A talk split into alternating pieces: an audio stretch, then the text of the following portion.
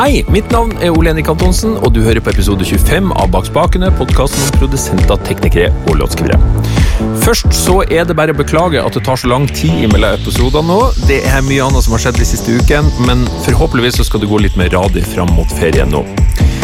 Dagens gjest er nok mest kjent som artist, men har de senere årene i stadig større grad jobba som produsent. Først med eget materiale, deretter for andre. Hun er også en av få i Norge som tidvis jobber som en ren vokalprodusent, som et eget yrke i Statene.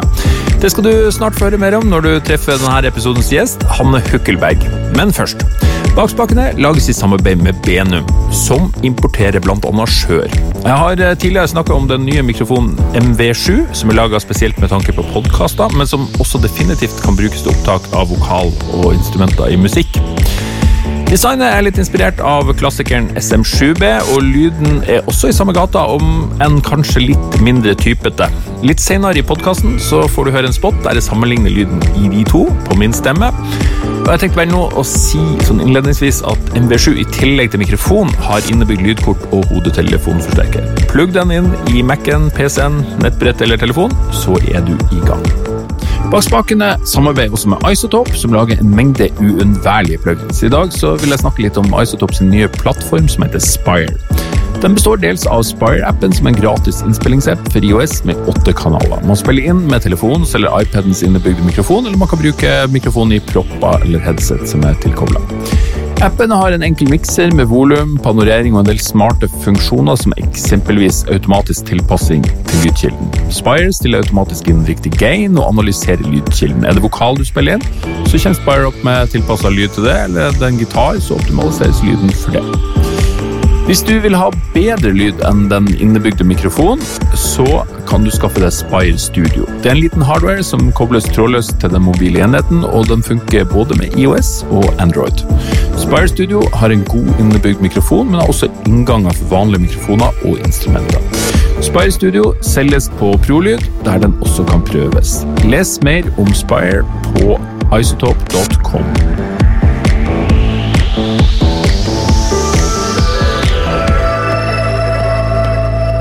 Velkommen til Bak spakene, Hanne Hukkelberg. Takk. For de fleste så er du mest kjent som artist, naturligvis. Men de siste årene så har du også jobba mer og mer i kulissene. Og som den nerdepodden vi er, så, så må litt ned i materien her. Men først må vi liksom få høre litt om historien din. Hvor, eh, hvem er du, hvor kommer du fra? Det, uh, du kommer fra Kongsberg, har jeg googla meg fram til. Ja, det stemmer. Jeg er fra Kongsberg. Helt opprinnelig er jeg faktisk fra Ål i Hallingdal. Ah. Så jeg bodde der fram til jeg var åtte, og så flytta vi til Kongsberg. Pappa er da kirkeorganist, og han fikk uh, organiststilling i Kongsberg kirke, som er liksom nest største kirka i Norge. Ja. Så det takket han ja til, og så, um, og så ble vi kongsbergensere. Eh, og så bodde jeg der til jeg var 16. Og da flytta jeg hjemmefra for å begynne på eh, musikklinja. Hvor, hvor, gikk du på musikklinje da? Altså, da gikk Jeg jeg hadde jo så lyst til å flytte, så jeg begynte på den eh, jeg kom inn på som var lengst unna. Så ja, det var da i Nesbyen. Men jeg kunne ja. jo gått i, i Lier også, som er St. Halvor og den som alle andre går på. Og det, det året i Nesbyen var jo såpass Det var en nyoppretta linje, så det var et ganske sånn begivenhetsrikt år. Gikk jeg sammen faktisk med Tone Østerdal og diverse liksom andre ja, da. Hun er også fra Kongsberg, kjent fra barndommen, for vi gikk i samme kor eh, som mamma dirigerte. Så kult. Eh, har en del med Tone å gjøre i eh, andre ja. sammenhenger, men jeg ante ikke at hun var aktiv. Bra dame. Ja, ja, ja. Altså, jeg, jeg og Tone går way back. Ja. Men um, jo, og mye sånn fra korturer og mye sånn korbakgrunn. Eh, et pikekor. Og så, så etter et år der så var det egentlig nok for meg. Så da flytta jeg over til St. Halvard, da. For da, det er en litt mer solid og inngått linje med litt Ja, så det var ålreit. Um, så da bodde jeg Da gikk jeg resten på St. Halvard der, og der er det jo veldig mange musikere som har gått, eh, som vi kjenner til. Eh, som alle Vallumrødene og sånn har jo gått der. Ja. Terje, Nils Beck um, Mange i musikkbransjen og film. Altså det er liksom, også, det var teaterlinja der også. Det var veldig sånn, jeg ser veldig mange fra musikklinja, musikkdans, drama-linja der. ut i kulturlivet i Norge. Så det er ganske morsomt. Ja. Kult. Eh, eh, hvilke instrument var det sang da som var, som var hovedinstrument, eller ja. du spiller mange instrument senere? Ja, men jeg er nok ikke noe instrumentalist sånn i utgangspunktet. Jeg, jeg har alltid vært en sanger, og som mm. sagt, min bakgrunn i kor også. Og også i band. altså Da jeg gikk på ungdomsskolen, så sang jeg i sånn kristenband sammen med liksom veldig mange av disse her Det var faktisk også med David Wallenbrød og Ivar Grydeland og sånn. Mm. Um, og Susanna Wallenbrød. Jeg og Susanna og søsteren min vi var korister. Kordamer. Ja. Og så ja, ja. Um, så det var jo Det har alltid vært vokal. altså Enten om jeg har vært korist eller eh, Det har jo ikke vært noe andre steder enn dette kristenbandet, som var ganske sånn Bare en liten sånn innføring. Uh, men um, det var en tid med mye kjentfolk, og um, som jeg ser Jeg ser jo de ute i bransjen nå, så det er, eh, det er veldig gøy. Uh, kristenband, men spilte du i andre typer band? Etter hvert også, eller? Ja, ja, for det var jo, eller først så var det jo, aller først så var det jo kor i ni år, i pikekor. Så da jeg begynte på videregående, så var jeg jo kjapt inne som vokalist i diverse band. Og jeg er jo egentlig veldig stolt av den, eh, den paletten jeg har av alle typer band jeg har bak meg. For det er altså ganske bredt spekter i sjanger der. Um, så det, på videregående var jeg ganske aktiv i metal-band. Ja. Du gikk fra det ene til, til det andre. Å ja, det var, Jo større liksom, spekter, jo kulere syns jeg det var. Og, um, ja. og var ikke, jeg tok jo veldig avstand for disse kristentingene også ganske tidlig, så det var liksom, da, må, da kunne jo det markeres med metalband, selvfølgelig. Ja, um, for du, du, er ikke kristen sjøl? Nei, jeg, nei, jeg er ikke nei. det. Mine foreldre er det, og jeg syns jo det er kjempefint, men, men for meg har aldri det vært riktig. Men, uh, så jeg likte det utsvevende livet å synge i metalband og liksom besøke forskjellige liksom, uttrykk. da. Um, også på skolen så var det liksom funkband og musicals som man lærte på musikklinja. liksom. Um, og så hadde man jo klassisk sang som undervisning, men um, jeg var nok den første, tror jeg, som søkte jazzsang i tredje gym Um, for at jeg, Klassisk sang var ikke noe for meg. Jeg var ingen, det visste jeg liksom helt fra tidlig at jeg var ingen klassisk sanger. Så jeg fikk innvilga det, og fikk da mine første sangtimer hos Anne Marie Gjørts. Ja. Og dro inn til Oslo, ikke så fikk en smak av storbylivet. Og, og, så fikk jeg også noen få timer av Solveig Slettagjeld. Um, jeg gikk jo i klasse med Susanna Wallenbrød da, og hun hadde også det da hun hadde fast hos Solveig Slettagjeld. Ja. Um, så det syns jeg virka så kult. Og så var det jo, og så bodde jeg kanskje hadde et sånt år etter videregående i Drammen, hvor jeg jobba på platesjappe og spilte eh, Da var, hadde jeg en sånn jazzduo med en som heter Ola Kalmeier, som var en sånn gammel greve i, i Drammen. Sånn, ble, ja, han eh, var jo 70 år, og jeg var jo Oi. 18. Vi hadde faste spillejobber hver onsdag og hver lørdag på Theatercaféen. Og um, tjente oss litt smågrin, og så um, lærte han meg litt opp i jazz, eh, eh, jazzreglene, på en måte. Og så kom jeg inn da året etter på musikklinja på, musikk, nei, på jazzlinja på Musikkhøgskolen. På første, ja. første, forsøk. Så det var jeg veldig, veldig fornøyd med. Strålende. Så begynte Oslo-livet. Oslo Oslo-livet tok, tok av. Ja. Når, du, når, du, gikk på uh, Musikkhøgskolen, uh, hadde du noe prosjekt og sånn på sida da, eller var, var, du da i gang med egen solo? Altså, jeg trengte litt tid for å komme meg inn i liksom høyskolemiljøet. Jeg eh, kjente jo, Selv om begge mine foreldre er klassiske musikere, og, eller pappa er kirkemusiker og mamma er klassisk pianist, utdannet, og begge to på Musikkhøgskolen, ja. så, så, trodde jeg at dette skulle være så enkelt for meg, siden dette var jo tilbake til røttene for meg. Men jeg sleit veldig med liksom Jeg skjønte ikke helt dette her akademiske livet, og det lå liksom ikke helt for meg. Eh, og jeg var jo opptatt av alt mulig annet, og alt sånn sosial, sosial kodeks. og liksom Det har alltid vært veldig viktig for meg. så jeg, jeg bodde jo i et kollektiv, sånn kunstnerkollektiv, sammen med bl.a. Kristoffer Hivju og sånn.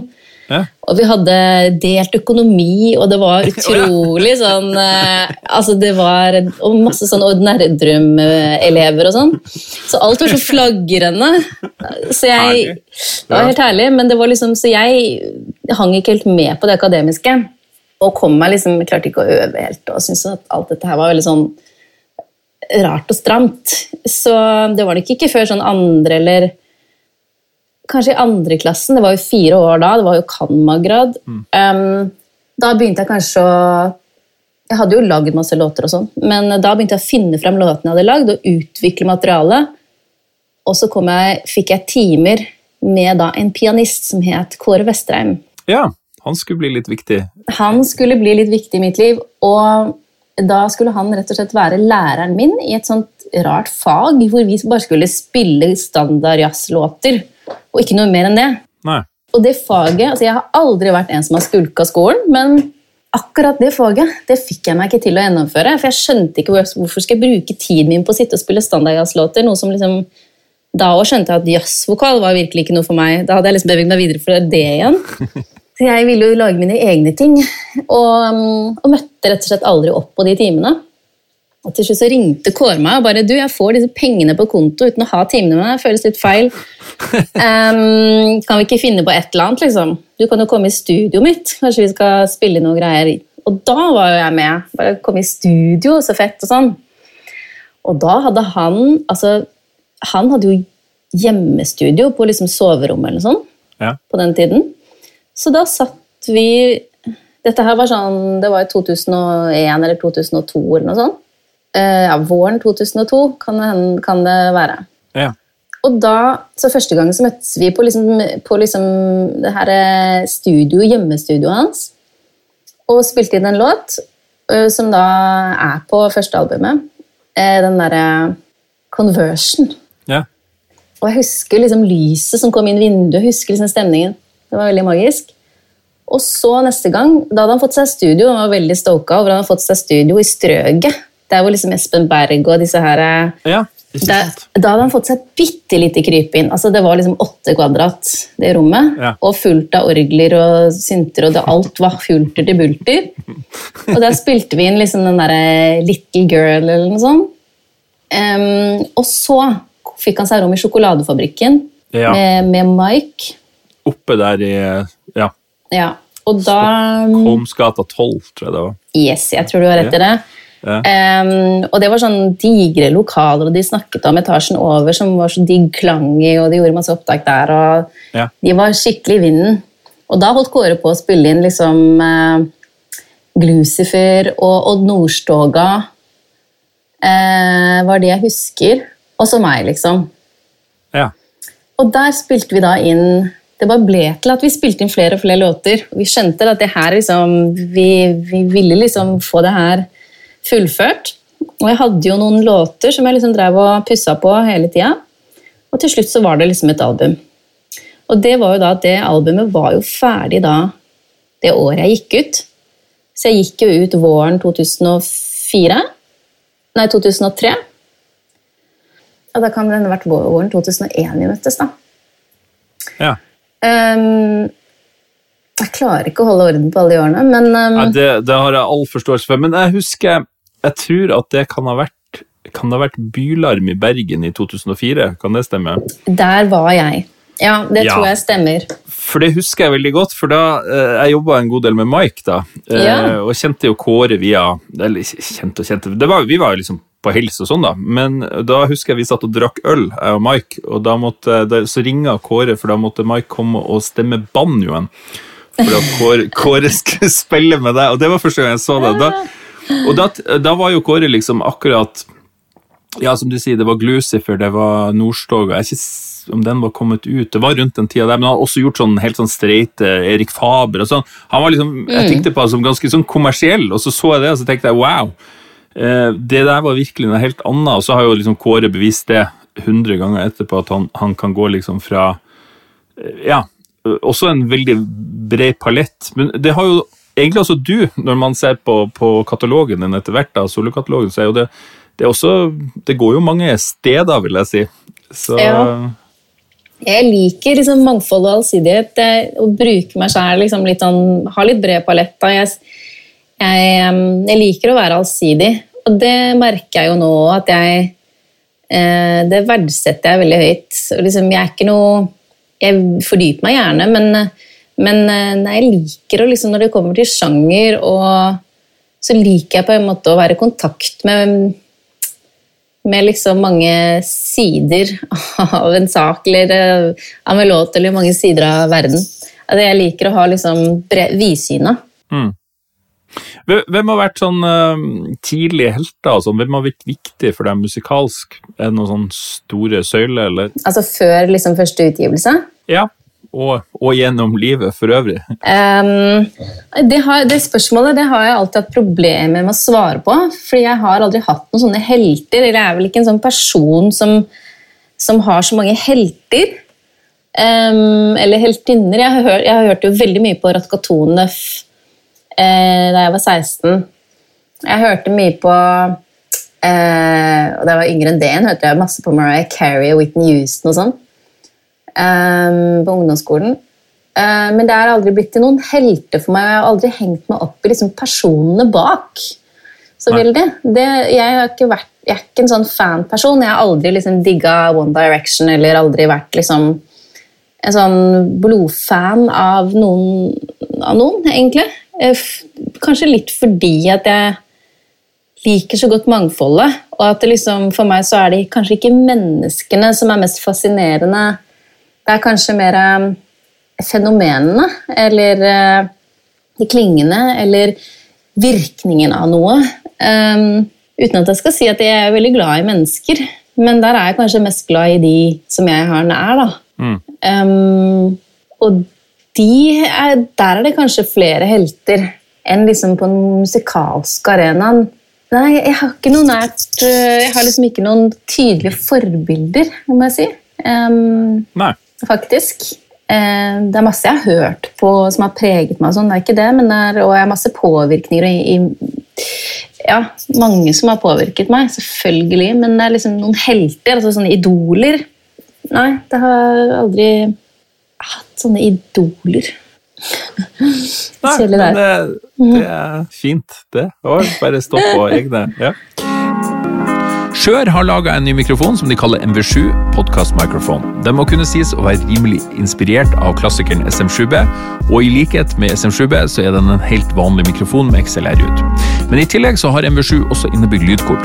I pakken så følger det med to USB-kabler, en av den gamle typen og en USB-C eller Thunderbolt 3 om du vil. Det betyr at du kan plugge MV7 rett inn i en Mac, en PC eller mobilenhet og gjøre proffe opptak uten noe annet utstyr enn et software å spille inn i. På selve mikrofonen så finner du hodetelefonforsterker med mini-jack ut og et lite touch-kontrollpanel som lar deg styre gain inn og volum i hodetelefonene. Enklere blir det rett og slett ikke. Lyden? Vel, det er den mikrofonen som jeg snakker i nå. Lurer du på forskjellen mot en SM7B?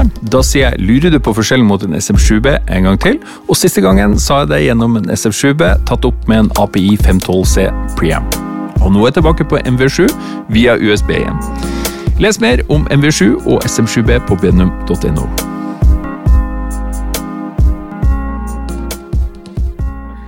Du, eh, tilbake til Kåre. Eh, han har jo vært en veldig markant produsent i, i, Norge de siste 20 årene. Kanskje den viktigste. Eh, definitivt en av dem, i hvert fall. Og du har jobba lenge og mye sammen med han. Hvordan har det samarbeidet egentlig vært? Nei, altså Det har vært et kjempeflott samarbeid. Og vi har hatt utrolig mye gøy i studio. Det har liksom vært så utrolig lekent. Vært veldig sånn Eh, vi har liksom vært så gode venner også. Eh, og liksom familiene våre òg. Det har vært veldig sånn samhold. og Feira nyttår og 17. mai, liksom. Og vært veldig sånn Ja. Og så har vi liksom hatt disse faste Når jeg først da er klar for å liksom spille et nytt album, så tar vi oss god tid til å liksom forske og, og gjøre ting vi syns er gøy. Og så har vi inspirert hverandre. Jeg synes liksom det har ikke vært noe enveis heller, for jeg er jo veldig sånn hands on-person. Det har jeg også innsett nå etter at jeg eh, samarbeider mer med andre. Jeg har på mange måter vært veldig loner, og Kåre er liksom en av de få som har sluppet litt inn i det. Og mitt univers har fått lov til å være med og bestemme, for det er veldig få andre som har fått lov til å prege uttrykket på musikken min. Jeg, har, jeg må ha det sånn og sånn, liksom. Um, hvis ikke så kan det bare være. Jeg blir veldig jeg er veldig sta og sær. Um, mens Kåre har liksom fått lov, da. Um, men jeg har også kommet med ganske sånn, strenge instruksjoner til Kåre, som han har liksom måttet utføre. Og så har jeg prøvd å gi ham liksom, slingringsmonn. Og så har han kanskje også Han har nok også gjort en del ting som jeg ikke har fått med meg av ting som har vært viktig ikke sant, I, opp igjennom. Uh, og som er grunnen til at ting låter fett. og um, Nei, men jeg opplever først og fremst at det har vært et veldig fint samarbeid. Og at vi har eh, på en måte tatt med ting inn begge to.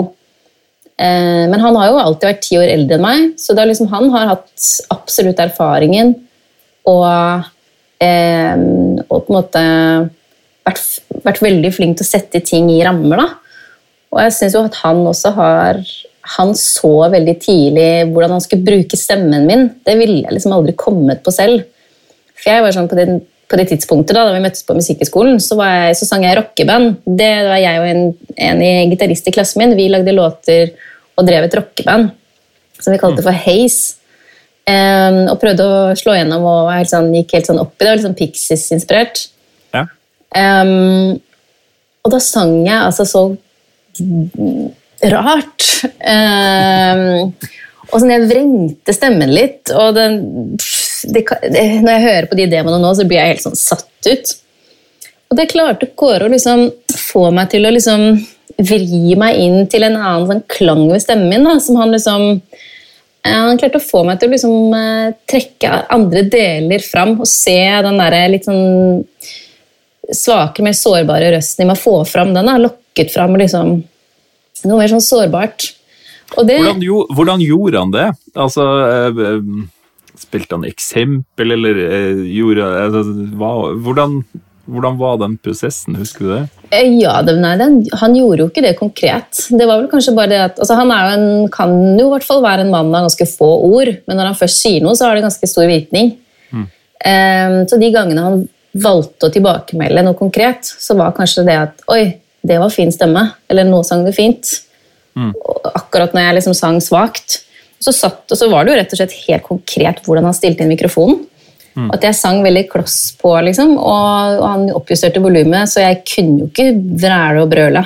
Nei. Det var jo naturstridig. Så, liksom, så, han satt meg jo også i en situasjon hvor ikke det var teknisk mulig. på en måte. Um, og så liksom dyrket det, da, og sa at det og det var fint. Og, og så ble jeg på en måte påvirka. Ja. Um, noe som jeg nå kan liksom tenke at jeg vet ikke Nå prøver jeg jo å være litt mer sånn vokalprodusent. Jeg synes jo Det finnes jo mange produsenter der ute som, uh, som har instrumentalbakgrunn, men ikke så mange som har vokalbakgrunn.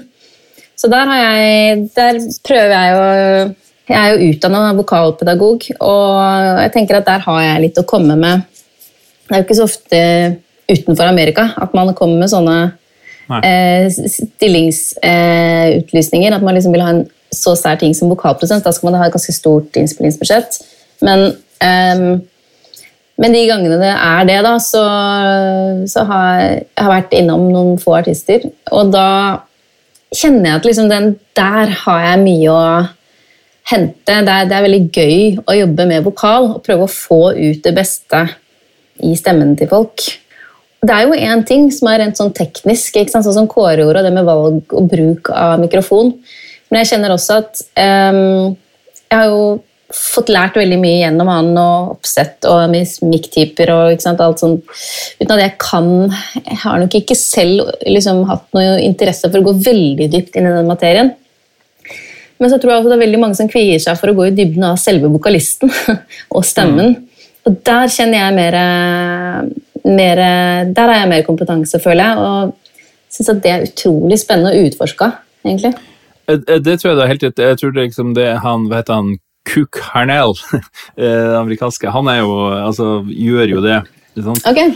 Og, og, for jeg har tenkt på det ganske mye sjøl. Jeg har, har jobba med noen veldig flinke vokalister, så sitter jeg liksom og synger hva med om du gjør sånn eh, Og så har jeg, når jeg hører meg Noen ganger så tenker jeg liksom etterpå hvordan framstår hva, hva det menneskene tenker om han der gjøken som sitter inne i mikrofonen der, som ikke kan holde en ren tone. Altså, sånn der, men du har jo produsert eh, vokal for Ingrid Helen Håvik.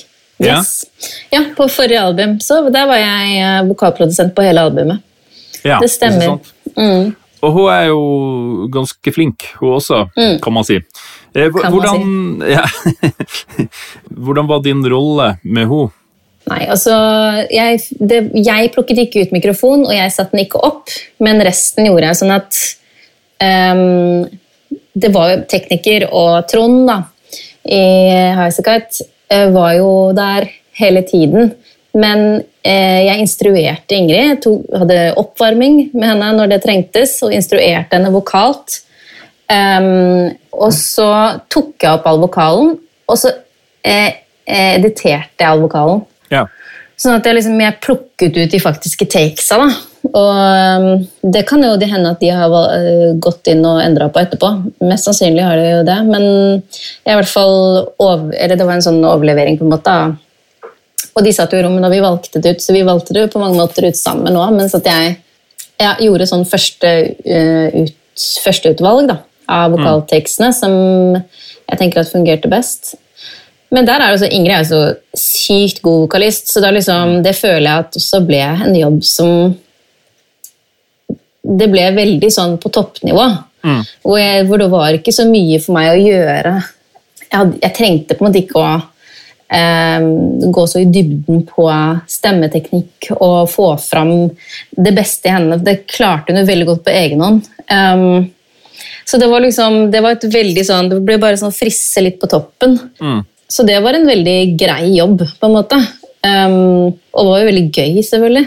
Mm. Men uh, jeg ser jo for meg at det finnes um, uh, Jeg føler at jeg også i hvert fall har evner til å jobbe med vokalister som har større utfordringer. da eh, på det vokale. At man liksom Og også liksom eh, studiosituasjonen, for det tror jeg kan ha Det er veldig mange som har fokus på type mic og innstillinger og eh, software og liksom hva, altså det tekniske.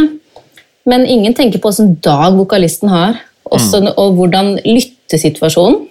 Hva du hører, og altså innstillingen i lyttinga. Hva du får inn, og hvordan du hører deg sjøl kontra hvordan du er vant til å høre stemmen din. Og det går inn i, og Der føler jeg eksperimenterte veldig mye i studio med Kåre. Jeg var veldig eksperimentell i forhold til mikrofoner og mikrofonbruk. Og også koringer, og jeg lagde ofte instrumentale lyder som Kåre brukte som instrumenter. Mm. Der leika vi oss veldig. Så for meg så har det også vært en sånn reise hvor jeg har tatt med meg den erfaringen videre. Og, og kjenner at det er det veldig mange som Når du er en vokalist og du er ung, og så skal du spille inn et album, og så skjønner du ikke hva som er gærent, du bare kjenner at noe er grunnleggende feil. Mm. Der kjenner jeg at jeg kan komme inn med min erfaring og kompetanse og plukke det litt fra hverandre for vokalisten, og så tenke åssen er den lyttinga di? Mm. Det, har du deg selv for høyt, kanskje? Mm. Og da blir um, Så man tenker jo bare at alt, Det er veldig vanlig å tenke at man vil ha mer av alt og høyere av alt hvis noe er galt. Mm. Ofte er det motsatte løsningen. Så det å liksom komme inn og å hjelpe vokalisten til å liksom deschiffrere situasjonen og finne ut av hva, hvordan man kan ha en bedre Ikke alltid man, man Det er noen ganger man kan være en like god vokalist og synge like bra, og produsenten er like fornøyd, mm. men at vokalisten sitter i ettertid og egentlig føler seg dårlig. Ja. Mens jeg er den som kan komme inn og gjøre at situasjonen føles god, og at artisten faktisk har et bedre forhold til låta i etterkant, og dermed er en bedre markedsfører for sin egen musikk. Da. Mm. Eh, det kan være ganske avgjørende for apparatet rundt og for artisten selv. At man skal kjenne at det er sin låt, at man ga det man hadde. Det er, det, er egentlig en slags sånn psykologisk ramme da, rundt ja. Det tror jeg er kjempeviktig. Altså det å få uh, vokalisten til å føle seg komfortabel med situasjonen, er liksom den største utfordringa i studio. Uansett, for å få det der Selv om det taket er på plass og i, time og pitch og alt det her, så, så det liksom det å få den riktige Om det er en håndholdt eh, SM58 eller whatever it takes, altså. Mm. Eh, alt andre kan ordnes. Ja, og det er jo ofte det som ofte er magisk med en vokalinnspilling også. Man hører jo man hører jo veldig godt om noe har en bra fil, enten på et instrument, eller, men også på vokalen. Og ofte nå med et elektronisk lydbilde eksempel, så er det jo helt superviktig at vokalen er følt. At det har en bra fil, og at man hører at vokalisten har noe man har lyst til å si. Det er nødt til å være på toppnivå. og Der har jeg hører så stor forskjell på innspillinger gjort i fjor og for ti år siden eller fem år siden mm. av vokalistene, fordi teknologien, mulighetene for å pusse på et sånt finmaska nivå, er bare økt så til de grader. Og hvis vokalisten har en dårlig dag, så hører man det. Um, det kan selvfølgelig rattes på, men så hører man det òg ja. Eh, når det er retta på. Og hvis man ikke har retta på det, så kjenner man det. Man mm. føler at 'å, dette er noe ekte'. Her er det mm. ikke putta inn i Melodyne, og her er det ikke putt, altså Man har ikke kjørt ting Ratta vokalen, kjørt den gjennom liksom, kompressorganget Ikke sant. Det er Ja. Så når man Ja. Jeg tror det er veldig det er viktig å, å få det bra fra kilden. Altså, ja. Det tror jeg er ekstremt viktig. å, og og jo flere verktøy du får, jo, jo viktigere blir det. på en måte, altså at, at, det er ekte, som du sier. Det tror jeg er helt kjempeviktig. Mm. Eh, du har jo, eh, hvis vi bare går tilbake til det her med, med å bli produsert kontra å produsere sjøl, og det tror jeg jo er en, en, Du har fulgt en ganske sånn klassisk rute, tror jeg, for mange sterke artistpersonligheter. At, at du starter kanskje med å ha en produsent, og så kanskje blir det en koprodusent, og så tar du over sjøl. Eh, hva, hva, er den største forskjellen underveis i det løpet der? Forskjellen? Eller hva mener du? Ja, hva, hva, er det beste og det vanskeligste da med å bli produsert, hvis du kan si det sånn, eh, av andre? Um, nei jeg tenker jo at det beste er jo at man føler at man blir litt beskytta, og at man har en uh, storebror som kan passe litt på og bare ordner det når man selv har for mange kvaler og det blir litt for mye. Mm. Eh, I hvert fall for meg og veldig mange jeg som er på en måte mine sånn eh, nærmeste kolleger da, på det jeg gjør, så er man, man er kanskje mest en kunstner. da, ikke sant? At man, eh, og man har da gjerne litt sånn kunstnerhue. Mm. At man, eh, det er mye kvaler og det er mye greier. Så det er liksom det å ha da en som produserer det, og som bare fikser det, tar seg av alt det som man ikke selv ordner, det er ganske deilig i starten. Men det der er et større tema, fordi jeg tror det er veldig mange artister i starten også som liker å bare ha noen som tar seg av seg, er der fordi at eh, det er veldig mange som ikke helt ser eh, hva en artist må igjennom. Det er så ekstremt mye press. Og det er så mange kontrakter og det er så mye hemmelighold, og du skal ikke dele den informasjonen konfidensielt med her og med der. Og så er det liksom og så er det ingen å spørre og ingen som deler den. Det er veldig tøft å være artist i startgropa. Um, og det er mye press, og det er få å dele med. Mm. Så, og da er det godt å ha en produsent som bare gjør de tingene som blir sånn knotete, men som ellers egentlig veldig fint kunne gjort selv. Og det er det jeg har merka, at det verste på en måte med å ha en produsent er at de tingene jeg ikke klarer å uttrykke med ord, blir jo veldig ofte misforstått. Mm. Og Det er derfor jeg bare måtte lære meg Pro Tools selv. Liksom, fordi broren min bare kjøpte det til meg. og bare, Nå tar du og bare lærer deg det selv. Men jeg har jo liksom sittet og, uh, sittet og liksom Jeg har vært så aggressiv i møte med Pro Tools. Jeg har hatt så mye aggressive møter, for det er så mye terping og småtterier, og jeg er ingen sånn herre Jeg er nok ikke noen produsent som Um, altså De der tekniske småtingene de skulle jeg gjerne vært foruten. Mm. Men, så kun, men, så er det at det, hvis jeg ikke gjør det, så kaster jeg liksom ut ungen med badevannet. Da, da er det noe veldig essensielt jeg går glipp av også.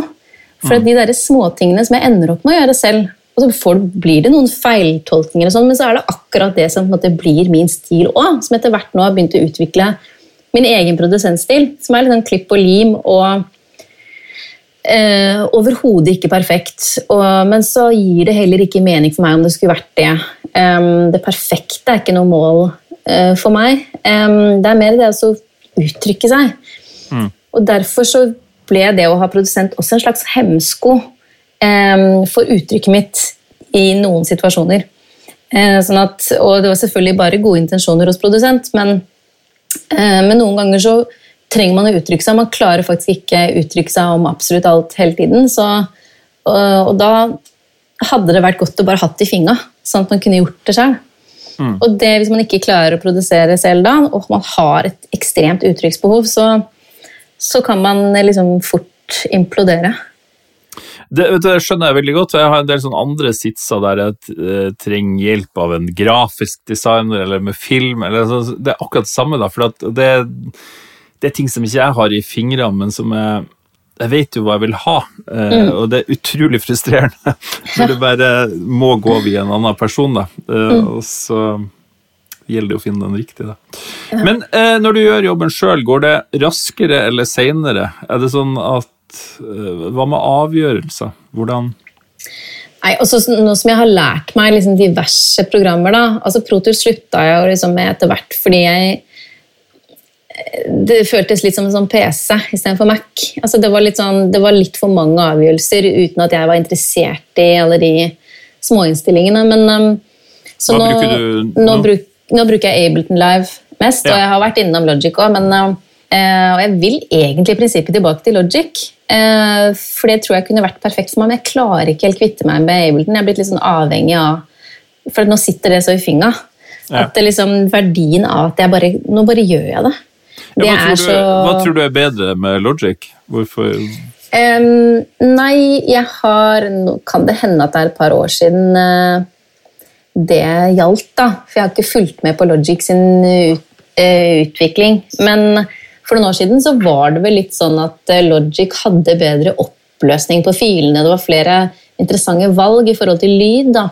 Mm. Og lyd er jeg jo ganske interessert i. Ikke nødvendigvis så polert lyd, men at man har, at man har flere interessante liksom, funksjoner.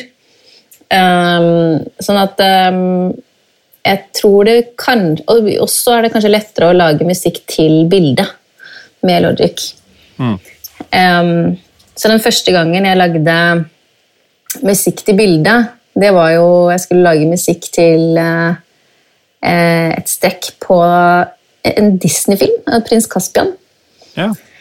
Og da, Det gjorde jeg på Logic først. Lagde skissen der. Og så dro jeg i studio til Kåre og gjorde, resten. Eh, men eh, det, den er liksom den aller, aller, aller siste låta på prins Caspian-filmen. Av eh, den Narnia-filmen. Ja, for du gjorde det? Mm. Det er jo litt kult, da. Ja, det er veldig kult. Jeg ble fløyet til eh, London og fikk en hel kinosal for meg selv og alt jeg ville ha. Wow. Vin og popkorn og sjokolade. Og så satt jeg der og så en sånn halvferdig Narnia-film. Og så etterpå så spiste jeg middag med Hans Zimmer. Wow. så det var eh, Og hele Det var greier. Du, eh, hvordan gikk det til? Hvordan fikk du en sånn gig? Nei, altså jeg var, var Jeg bodde et år i Nord-Norge. Um, eller vi, da, vi som par. Og så Hvor da? Eh, på Senja. Senja? Jeg er nesten fra Senja. Ja. Er det? Ja. Jeg er fra øy som heter Andørja, som er rett sør. Andørja, ja. ja. ja. vi bodde like ved Altså i Bø, Skaland. Ja, ja. Mm. Nei, så der bodde han hadde sånn Han hadde jobba der oppe da, et år. Og så hadde jeg veldig mye drev på, turnerte veldig mye i USA på den tida. Så jeg kom liksom rett fra USA til, eh, til Senja. Selvfølgelig overskrift på forsiden av Senja-posten. Troms Folkeblad, eller? Ja, ja noe sånt. Ja. Nei, det var den lokale avisa der, det var smått. Ja. Men, um, men, det var stort for det, og alle visste jo hvem, hvem jeg var. Ja, ja, ja. Nei, så Da kom jeg liksom rett fra San Francisco. husker jeg, Da hadde jeg fått en mail fra en som var liksom dødsfan, som heter Chris Duridas som er da music, uh, music uh, advisor for filmer. da. Ja. Blant annet for den der American Beauty og Shrek-filmene og alle Narnia-filmene. og sånne ting. Um, og han er, var jo da allerede um, en av de som starta KCRW-kanalen i, i, i, LA.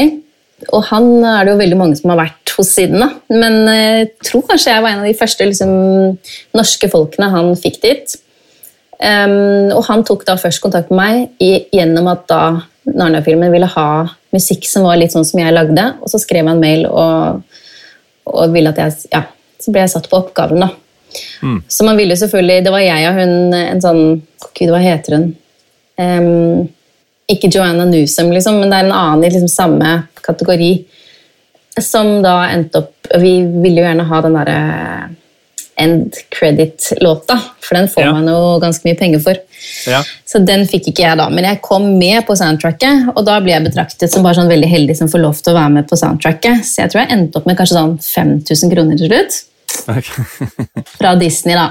Ja. Så det, det, var veldig gøy, men eh, det var ikke noe penger å tjene. Nei, det er jo synd. Men allikevel så er det sånn Ja, og der ødela du egentlig mitt neste poeng, for jeg blir nesten litt sånn rørt da, over at det er kjempekommersielle Altså Frode Fjellheim med Frost og sånn. Ja. At det er kjempekommersielle, at de faktisk um, Altså hvor proff de er, da. Hvor, hvor Tenk hvor mye musikk de hører da, og går igjennom før de oppdager en kar fra Steinkjer som sitter og, og, og lager noe utrolig kul musikk, som mm. Er ganske langt unna Hollywood. da. Men, men det, det syns jeg jo er veldig vakkert. Men så er det jo veldig trist at det ikke blir noe penger av det på samme tid. Ja, der merker man på en måte baksiden av USA-medaljen, for der er det jo eh, Ja, det kapitalismen liksom mm. Nei, det, der er det virkelig ikke Eh, det er jo bare en utgiftspost, virkelig. Sånn som jeg sa innledningsvis. Altså, som artist så er det jo stort sett bare utgifter med å være artist. Um, så, og, men så kan man få inn sånne ikke sant, det å, De fikk kanskje navnet mitt fordi at jeg har vært på turné der. Mm. Um, men så, og så fikk jeg jo dette oppdraget som jeg trodde at jeg ville tjene mer penger på men som ja, kanskje ved en annen anledning kunne fått et oppdrag til hvis jeg hadde jobbet med det og retta meg inn. Men da blir det en jobb. ikke sant da? Mm, ja, det skjønner jeg. Men så, så, så det, Du har ikke følt etterpå at det har leda til andre ting som har vært betydningsfulle, eller hvordan? Jo da, det var jo ganske altså jeg, jeg, tror jeg endte opp med Det var veldig mye som skjedde i USA på et tidspunkt, og jeg fikk jo faktisk en tilbud om platekontrakt fra Blue Note, liksom. Ja. Det var sånn rett før Nora, Jones ja. kom, så det ble de, Kanskje kunne jeg vært Nora Jones. Nei, gud ja. vet. Men jeg var ikke klar for det. Jeg sa nei, rett og slett. Og Kåre, som også driver liksom eh, Og da drev et sant? Propeller, var sånn Er du sikker? for de ville da lisensiert ut til de. Uh, og jeg eh, Husker jeg feil, eller var du den aller første artisten som var på Propeller? Jo da, Kåre oppretta Propeller for å gi ut min, min første utgivelse. Ja. Mm. Historisk. Så det er veldig artig. Så jeg har jo absolutt vært med på å ja, starte opp Propeller. Da. Ja. Så da For vi prøvde liksom lenge hos andre labeler i Norge, men det var ingen som turte helt. Det var for sært og rart og Ja, så da tenkte Kåre fader heller, da starter jeg opp noe sjæl. Ja. Så Smart. da starta han opp Propeller og med en gjeng med kompiser. Og så um, drev de plateselskap også. Og så kom jo min da EP, var jo første utgivelse. Ja. Men så tror jeg faktisk Superfamily var liksom første album, og så kom mitt debutalbum, fordi albumet mitt kom jo litt senere enn EP-en. da. Ja, nettopp. Men jeg hadde den første, den Hoy Stanker, var vel da høsten 2004. Ja. Ehm, kom den, da. Og da, apropos liksom, eh, turnering og vise seg fram og sånn, da spilte vi jo i forbindelse med den ja, Det var jo våren etter, da, så det var kanskje release av albumet. Det husker jeg ikke. Men da husker jeg vi spilte på den eh, jazzfestivalen i Bergen. Oh, på verftet der. Nattjazz, heter det vel. Og da kom det noen fyrer fra UK. Og de kom fra Leaf Label, et veldig sånn eh, var veldig sånn hipt plateselskap i London da, på den tiden. Og så ble jeg signa av de. Og det var det som gjorde at jeg da eh, fikk den internasjonale liksom eh, At jeg ble internasjonal, fordi da signa de meg, og så jeg, kom jeg liksom i uh, The Wire og Guardian, og, og så hadde de sin avdeling i USA. Sånn at det liksom, plutselig så ble det så stort, og så måtte jeg på europaturné og så måtte jeg på USA-turné. Så, så, jeg husker nesten ikke de årene, fordi det var bare så Alt var bare så blurry. Mm. Så Men hvordan, eh, hvordan, var det for kreativiteten, som du har mye av? Eh, det Jeg føler at uh, det var kanskje bare mest håndtering av angst, kanskje. Jeg, jeg, tror jeg bare hadde et slags sånn nødapparat som jeg bare Jeg tror ikke jeg liksom egentlig var til stede.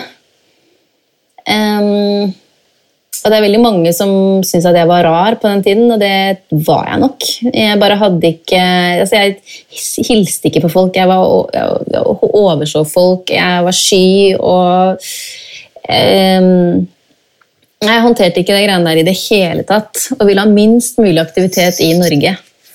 Um, jeg orka ikke Nei, jeg ble veldig dårlig av, av det.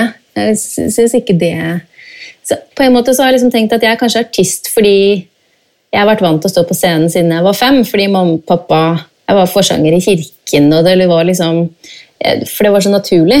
Men jeg er nok ikke sånn scenepersonlighet.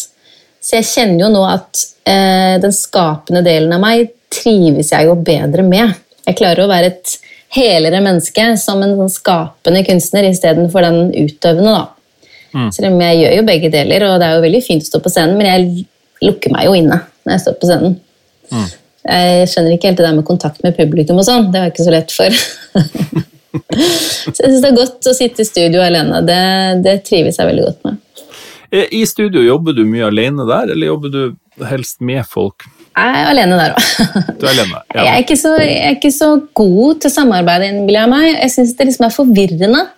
Og så har jeg så veldig sånn kraftig uttrykksbehov som jeg, jeg skulle gjerne liksom samarbeida mer, men jeg bare er ikke så Jeg forstår det ikke helt, tror jeg. Um, hvis jeg har andre sitt Hvis andre sin kunstneriske agenda er står foran, da er, det, da er det ikke noe problem. For da er det ikke jeg som skal gå god for det. Hvis, folk, hvis jeg skal si noe, hvis det skal være mitt uttrykk, da kan ikke andre blande seg i det. Da, Nei, jeg, jeg, jeg tenkte jeg skulle uh, spørre deg om det. For at uh, du har liksom omtalt deg sjøl som fullstendig kompromissløs, og at uh, du bare må ha det på din måte. og Det er jo ikke kanskje helt optimalt når du produserer andre, som, som du også gjør nå. Ja. Hvordan, hvordan, er du som produsent for andre? Nei, da, da klarer jeg å legge om prioritetene ja. mine. Altså der, der hvis jeg skal uttrykke meg, da er jeg kompromissløs. For hvis ikke jeg kan si det jeg skal si, så, kan, så, får det bare være. Det er der jeg blir kompromissløs. Men med en gang andre sitt eh, sine kunstneriske intensjoner skal Hvis jeg er på en måte Hvis jeg skal tjene noen andres kunstneriske visjon, mm. da er det noe helt annet. Og da kan jeg godt um, Jeg vet ikke om jeg er så flink til å sitte og lage musikk sammen med andre. Um, spesielt ikke å komponere og sånn. Det, det, skjønner jeg ikke, sånn som co-writere gjør. og sånn. Jeg har prøvd det også. Jeg ble jo helt mm. tullete av det. Ja. Um, er det for intimt, eller klarer du ikke å slippe noen inn i det? eller hvordan? Jeg klarer ikke å finne formen. Jeg ser ikke noe mening. Jeg finner ikke Nei. meningen med det. Så det er sånn, Hvis en bare å, ja, hvis, jeg, hmm, hmm, hmm, hvis noen også vil ha den linja der, og så skal noen andre komme og ha linja ved siden av, så er det sånn, ok, et konglomerat av forskjellige meninger. Men hva skal vi med dette? Eller Jeg finner ikke den overordnede Jeg finner ikke mål og mening i det. Formålet med det er helt sånn Jeg forstår det ikke helt, da. Selv om jeg, det er jo mange som får det til. Men jeg tror at måten jeg lager og skaper på, er satt sammen annerledes enn folk som skaper sånn type musikk, da. Mm. Um, så når jeg, noen, når jeg, jobber for andre, som f.eks. nå, lager jeg musikk til en dokumentar. Um, um, en dokumentarfilm. Og da har hun sagt da, hun kommet med en bestilling. Altså hun vil ha gjerne de og de instrumentene, hun vil ha den og den stemningen, og det skal være de og de emosjonene skal styre, og ikke for mye av det. Og, og, og det har jo jeg bedt om. Jeg vil jo veldig gjerne ha bestillingen. Mm. Um, og det er ikke noe problem for meg. Er, eh, jeg liker å lage det aleine, da. Men um, jeg utvikla liksom min egen klipp- og limstil. Jeg er nok litt redd for at hvis jeg samarbeider med noe, at det blir mer arbeid. Mm. Og det eh, enn det liksom At det bare blir mer merarbeid. At, det blir bare, at jeg må også forholde meg til andre mennesker i tillegg. Som jeg synes er, det kan være litt slitsomt hvis det er feil folk. Mm. Eh, men um, Um, ja, det, det, er nok å ha mottakeren og skal please om du ikke skal liksom internt eh. Ja. Altså, jeg syns f.eks. det er fascinerende med venner av meg som jobber på vanlige arbeidsplasser. I et eh, kontorlandskap, eller skal fungere liksom i gruppe. Å gjøre det innimellom er ikke noe problem, men å gjøre det hver dag mm. Hadde jeg sikkert klart hvis jeg bare ble vant til det, men, men det er fascinerende for meg med den gruppedynamikken. Mm. Og med Jeg tror jeg hadde blitt ko-ko, men det blir jo andre folk òg. Altså, man blir jo ko-ko Nei, jeg er nok sånn jeg liker å arbeide for meg selv, og så vil jeg gjerne være sosial etterpå, men uh, men i, i produksjonene dine, hvis, hvis, vi holder til det, så kan vi snakke litt om komposisjon etterpå. Men, men i produksjonene bruker du Jeg vil at du bruker en del musikere, eller spiller du alt sjøl? Hvordan, hvordan er det? Nei, Der føler jeg på en måte at jeg er jo ikke noe sånn kløpper på alle instrumenter. Det står jo noen steder at jeg er sånn multiinstrumentalist. Jeg tenker på deg som det. Eh, jeg vet ikke, Det er bare sånn festa seg veldig godt for mange år siden. Ja, det ja. står gjerne det, men eh, sånn føler ikke jeg meg. Altså, men det som på en måte er ikke det at det fins heller ikke et instrument dere som ikke kan spille på. For jeg vet hvordan alle instrumenter fungerer. Um, og jeg får jo lyd i det meste, men, men, det jeg bruker, er jo musikaliteten min. Mm.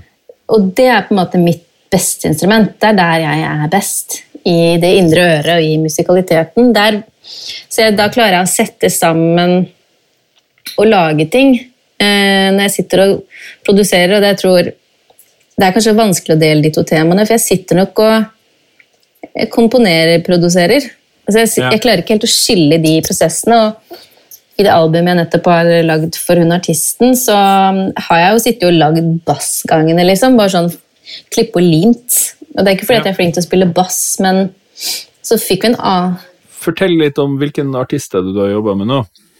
Det er en som heter Sigrid Aase. Eh. Jeg tror hun skal som artist kalle seg Sove med to a-er. Ja. Eh, for hennes bestemor het det, men nå er det litt jeg var ganske sikker på at hun går for det. Um, fordi vi har nå, jeg er overbevist om at vi lager musikken først, og så kan hun skape seg Så hjelper jeg henne etterpå å skape seg et apparat. Um, ja. Så hun er i gang med det nå. Men den um, Men hun er kjent fra haik? Yes. Ja. Fra haik. Også en ganske flink vokalist, vil jeg si. Absolutt. Sykt flink til å synge, og kjempeflink låtskriver. Mm. Hun skriver altså så bunnsolide låter. Men det jeg har gjort altså Hun har jo spilt inn da vokal og piano, eller kanskje kora litt, øh, kanskje litt gitar. Um, og så har på en måte jeg både produsert og komponert resten. Og hvis jeg da har laget basslinja, så har vi da fått en bassist å spille akkurat det etterpå. Ja, Så du kler på en måte på trackene, eller sangene, en drakt, da? Kan man si det sånn? Eller? Ja, du kan si det. Og, og også komponerer på en måte så Hvis det er stryk, så er det jeg som lager strykarrangementene. Og, og, det skjer utrolig intuitivt. Det er ikke noe jeg føler at jeg sitter ikke og skriver liksom, på et program sånn ordentlig. Det liksom bare skjer. Um, det er også, jeg tror jeg jobber ganske intuitivt, og jeg bruker musikaliteten min. Jeg tenker ikke over at nå må jeg kunne fiolin, og også leier dette, blir dette stemmeskred og sånn. Um, jeg blir ikke du undertrykker kunnskapen din fra Musikkhøgskolen, eller? Jepp. Jeg bryter reglene der jeg kan. uh, så jeg uh, Så får det heller bli et problem hvis noen har lyst til å covre den låta. på en måte. Mm. Og så prøver jeg heller å bare stå inne for at ja, jeg lagde det. Jeg har ikke lagd mye på midi, det har jeg faktisk ikke. Men hvis det er midi, så prøver jeg å stå inne for det. At det, ja, det er midi. De, mens de fleste gangene så har jeg jo jeg har jo liggende opptak fra fiolin, f.eks. Eller at jeg bruker samples inni en annen sånn Jeg bruker rett og slett ofte bare sample fra originalpakka på Ableton Live. Veldig enkelt. Og, og, så skrur det til, sånn, sånn, at jeg liker det i øret mitt. Og så um, kutter jeg det opp og lager arrangementer. Og så jeg, tenker jeg jo alltid at nei, dette må en ekte fiolinist spille inn etterpå. Men nå på det albumet her nå, så har vi endt opp med på mange på hvert fall, Det har ikke vært så veldig mye fiolin, men de gangene det er det, så har vi bare brukt det samplet mm. og la det stå litt sånn eh, rustikt til. da. Ja. Vi, vi, har likt litt den lyden, og at, man, at man hører at det er um, klipt og limt, at man, at man hører um, Jeg syns det har vært litt av Jeg synes det er det som er litt kult, at man hører skjøtene.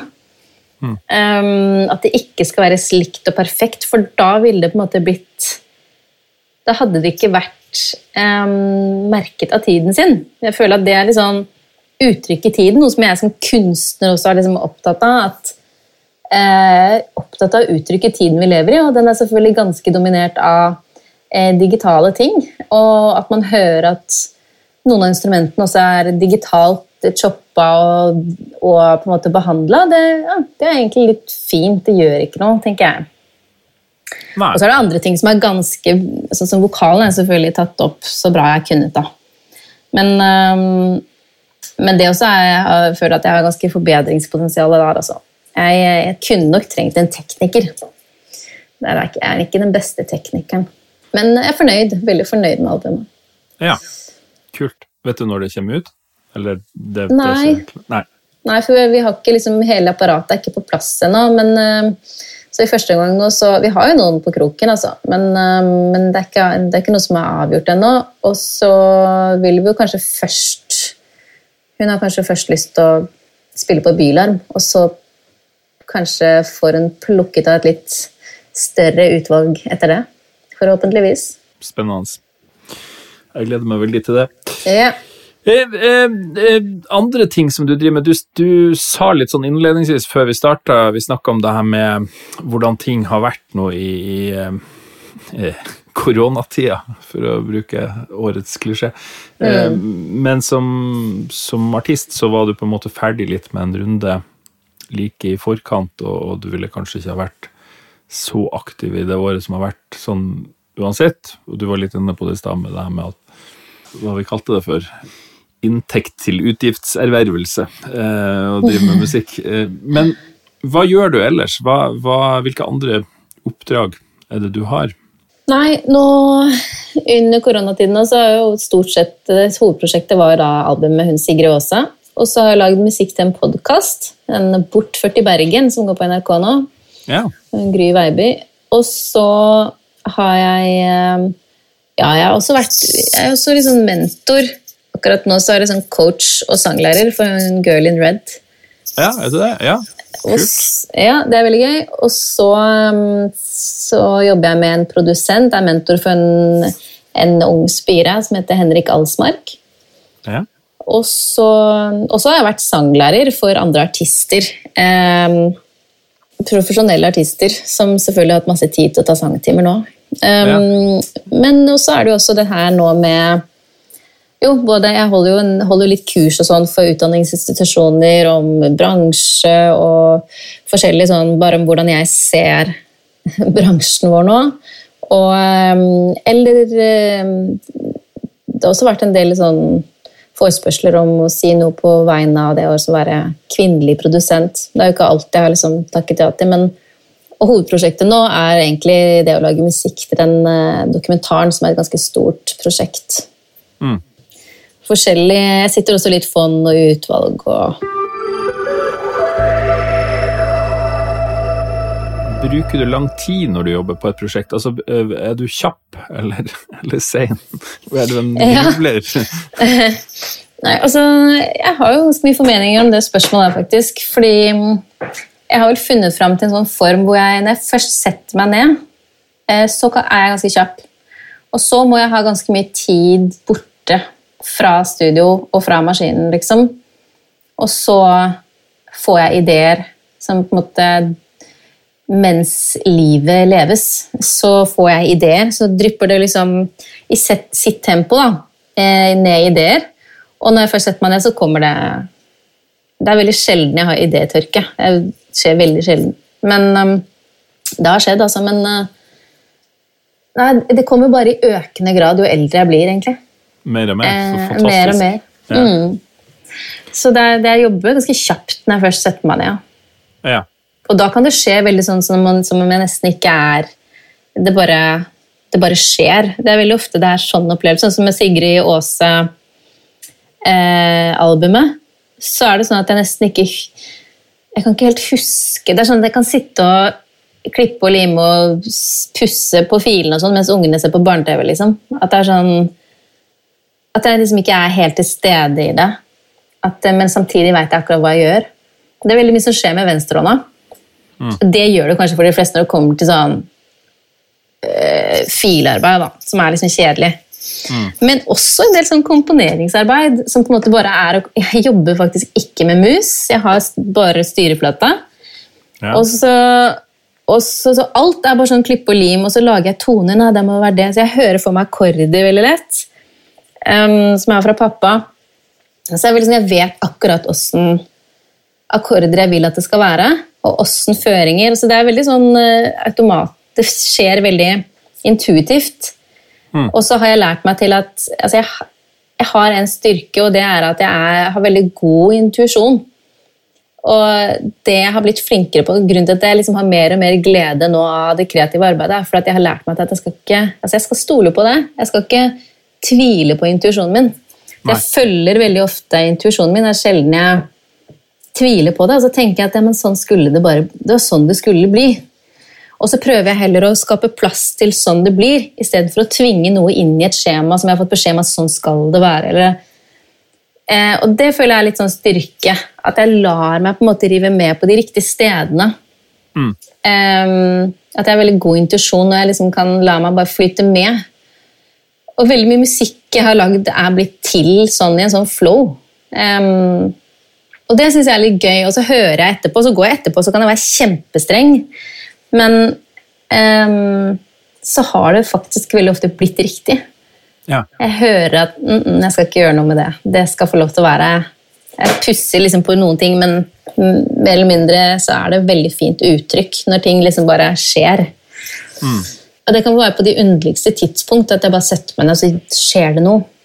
Det, da føler jeg meg litt som en sånn kunstner som liksom bare åh, kaster sånn. på en farge der og men, men, jeg tror det er veldig sånn, bra for effektiviteten å stole på sin intuisjon og ikke altså den jævla tvilinga når du begynner. Og, så, og det har jeg så mange ganger både med meg sjøl og andre at folk begynner å endre endre, endre, endre, og så er det ikke til noe bedre. Det er bare liksom, det er annerledes. Så, det er greit å snu hver stein, men, men noen ganger så why? Men det er også veldig interessant, fordi det er jo litt det at jeg har fått respekt for min egen prosess i litt større grad etter hvert. Og, øh, og, så har jeg prøvd, og så har jeg vært heldig med å få et slags sånn team, da.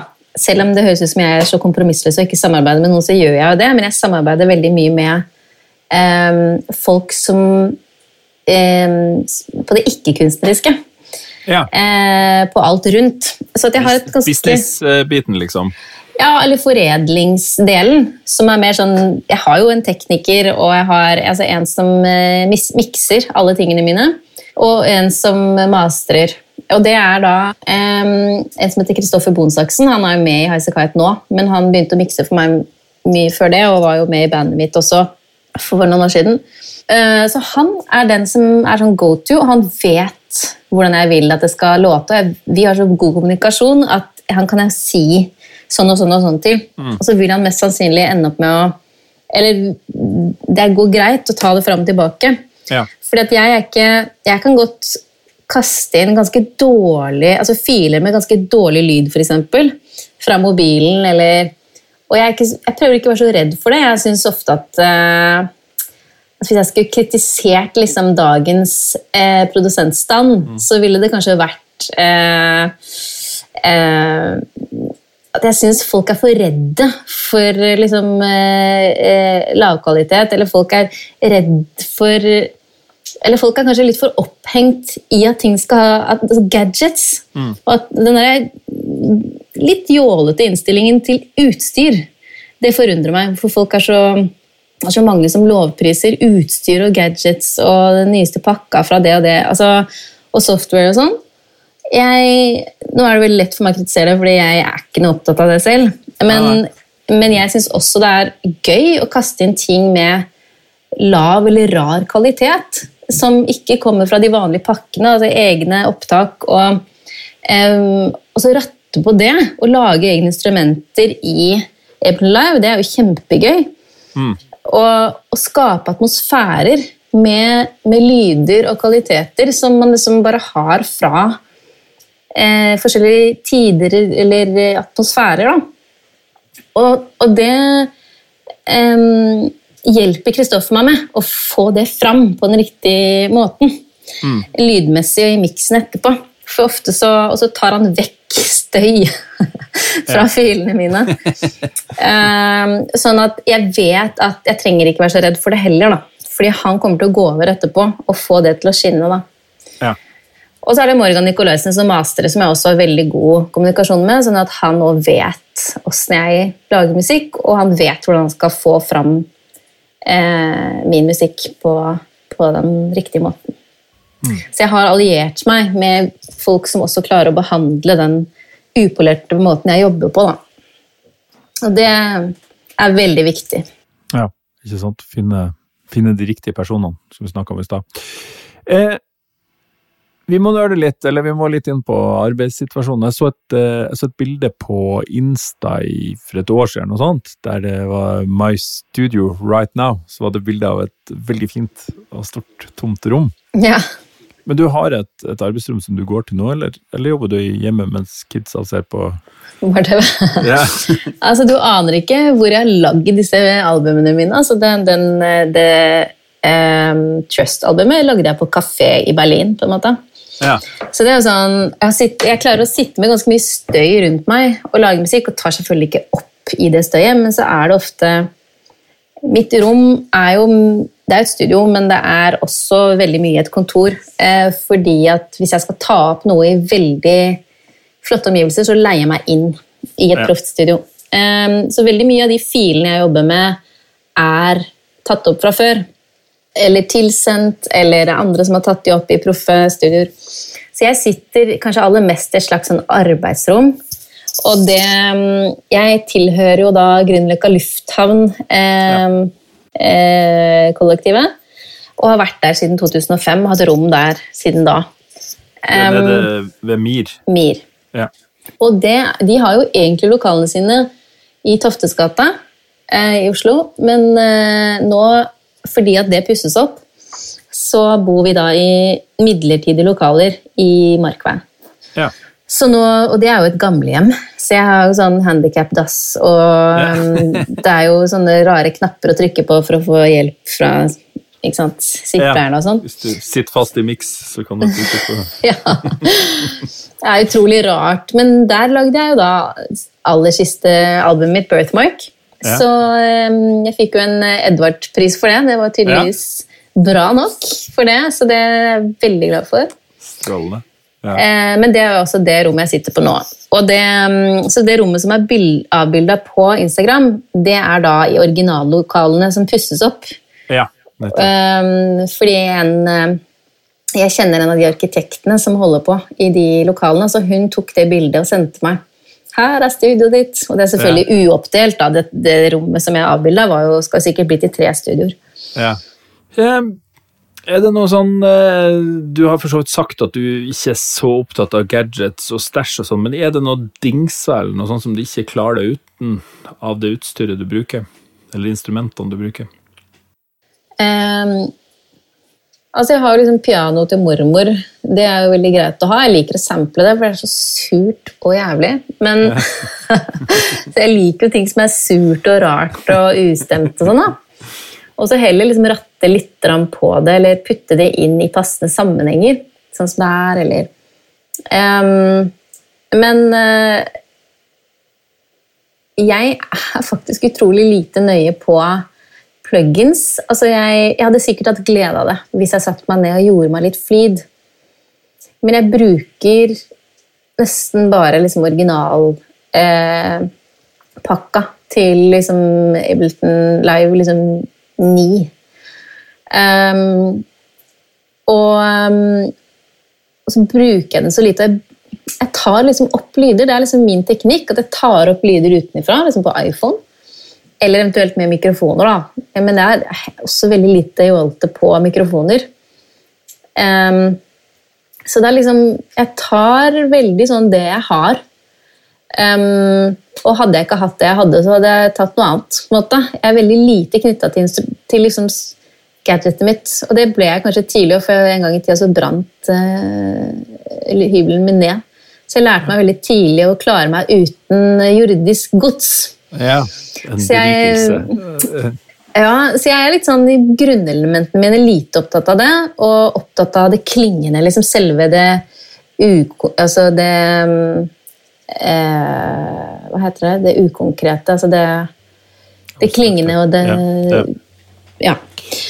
Så jeg er nok mest opptatt av liksom jo, et av mine prosjekter som jeg har lyst til å gjøre en gang i fremtiden, er å lage et album basert på bare stemmen. Eksempel. Lage instrumenter av stemmen. Ja.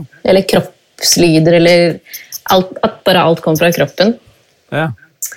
Um, for jeg liker å liksom være litt nerdete sånn. Mm. Um, uh, men hvis jeg skulle ønska meg en gadget, så jeg, har jeg vært ganske opptatt av de der Soyuz-mikrofonene. Ja. Oh, ja. det, det, Jeg fikk låne en Soyuz uh, Tube 017 eller et eller annet sånt. da. Ja. En kompis av meg. Ja. Uh, og det var jo ganske gøy. Det er jo kjempegøy når man får god lyd på, på stemmen. Den er jo helt fantastisk. Jeg, jeg snakka jo en gang med hun her eh, Sylvia Messi, altså en av verdens aller aller beste studioteknikere og legendarisk, og hun har jo akkurat den mm. eh, som sin Des Desert Island, og hun har liksom sånn gamle U47-er og sånn dritfete yes. ting i skapet, men den um, Nei, det, det, ser jo så kul ut òg. Ja, de er pene. Det, det er skikkelig porn. Ja, det det er, det er Ja, de er veldig fine og veldig gode. Um, og jeg var faktisk i kontakt med de fordi han kompisen min kjenner de Eh, faktisk, Jeg var i kontakt med de, liksom, Jeg kunne kanskje ha ordna meg en slags spons, men det var jo bare prosenter, og de er jo rådyre.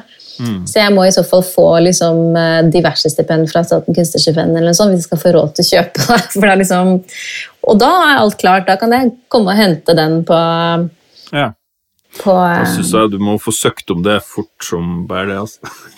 ja, gud. Kanskje jeg bare må det. Ja, jeg søkte jo sist, men da fikk jeg ikke diverse stipend, da. Nei. Så nei, jeg må prøve igjen til høsten, da. Ja, du må gjøre det. Du trenger ja. en Soyuz. Alle trenger en Soyuz. Ja. Alle. Det er menneske, må inn på menneskerettighet. Eh, du, eh, eh, hva gjør du videre fremover nå? Planer? Nei, nå er det da Jeg er jo for å snakke liksom produsentrollen, da, det hovedsakelig holder jeg på med denne, dette, denne dokumentaren musikk til dokumentarfilmen som skal på NRK til høsten eller neste år. Jeg er litt usikker. Mm. Um, så det er jo hovedpri. Og så uh, Men det er også at fremdeles holde taket i um, i hun Sigrid Aase, også mm. sove. fordi der har jeg på en måte litt, puttet litt klassisk produsentrolle inn i denne litt sånn nye jeg vil ikke kalle meg soveromsprodusent, men altså, er jo, jeg er jo ikke den studioprodusenten som Kåre er, f.eks. Um, med eget studio og liksom, teknisk oppsett og patcheopplegg. Men, um, men jeg er en sånn produsent som følger opp artistene mine uh, i forhold til apparat og mm. bransje, liksom, um, plateselskap. Så jeg er veldig opptatt av apparat og bransjen rundt. og Um, der er, tar jeg gjerne følge. Det er, går vel litt sånn i hånd med også liksom, eh, mentordelen av meg, som jeg er veldig glad i. Jeg har liksom så mye erfaring nå jeg, som artist da, og i bransjen at jeg liksom føler at jeg kan hvert fall følge en artist, en ung og ny artist, et lite stykke på veien og hjelpe til. Så jeg skal hjelpe henne nå framover, og kanskje litt sånn mot Bylarm, kanskje, og til hun har fått andre folk som holder ta ordentlig tak i prosjektet. Så følger jeg henne og hjelper henne med sant, alt som gjøres, for det er jo ganske mye. Å mm. bygge opp en plattform som artist og Ja. Så det skal jeg gjøre, i tillegg til den, um, den filmmusikken. Så um, nå fikk jeg jo kunstnerstipend også nå, det var jeg veldig glad for. Ja. Så for ett år, da. Men um, det er også en sånn ting som jeg har tenkt på med produsenter. Altså, for jeg kjenner meg absolutt mest hjemme i, i Statens kunstnerstipend som populær komponist, som veldig mange produsenter søker som. da. Mm. Men der kan man jo ikke få um, Det er litt sånn som deg NOPA-leder også, at um, ja, jeg forstår ikke helt grunnen til at man ikke kan søke flere år der. da, Så det kjenner jeg litt sånn kampsak for meg. Mm. Ja, og så har det for min del også vært det der med, med alltid vært en uh, kampsak, men som en som bakomperson. For at i alle sånne sammenhenger der du søker Så idet du er artist, idet du gir ut plater sjøl, så, så, er prosjektet så mye mer synlig. Men jeg tenker det er veldig viktig at de som er bak et prosjekt, sånn som du nå er med Sove, er også veldig viktig at, at det får, får, utvikle seg. Mm. Um, det har alltid vært min sånn lille kjepphest. Mm. Nei, jeg tror også det. Og jeg, tror, jeg lurer på om ikke Jeg har også vært veldig engasjert i produsent eh, Hva skal man si eh, Kanskje definisjonen. Eh, fordi Ja, for det er interessant. Um, det er ganske interessant, fordi um, jeg satt jo som styreleder i, for, nei, i uh, Komponistenes vederlagsfond for noen år tilbake. Og da um, ja, Da begynte det liksom å søke noen produsenter. ikke sant? Og så er på en måte ryggmargsrefleksen det at man eh, tenker at eh, ja, produsenter de, de, er ikke på det skapende planet. Og så var det jo det. ikke sant? Det er jo det at Vi ser jo det mer og mer nå, at produsenter er skapende og kreative. Og jeg ser jo også det at fra da, da så kjente jeg et sånt økende behov for å definere produsent på et litt annet plan. At det skjer noe med produsentene nå. Det er ikke sånn produsent den, har den rollen som man hadde før. som er um, Da har du et kjempestort studio, og så har du kontakt med et digert plateselskap, og så skal du være mellompersonen mellom selskapet og artisten, og så er du ansvarlig for at det låter dødsfett når du kommer tilbake igjen til mm. plateselskapet.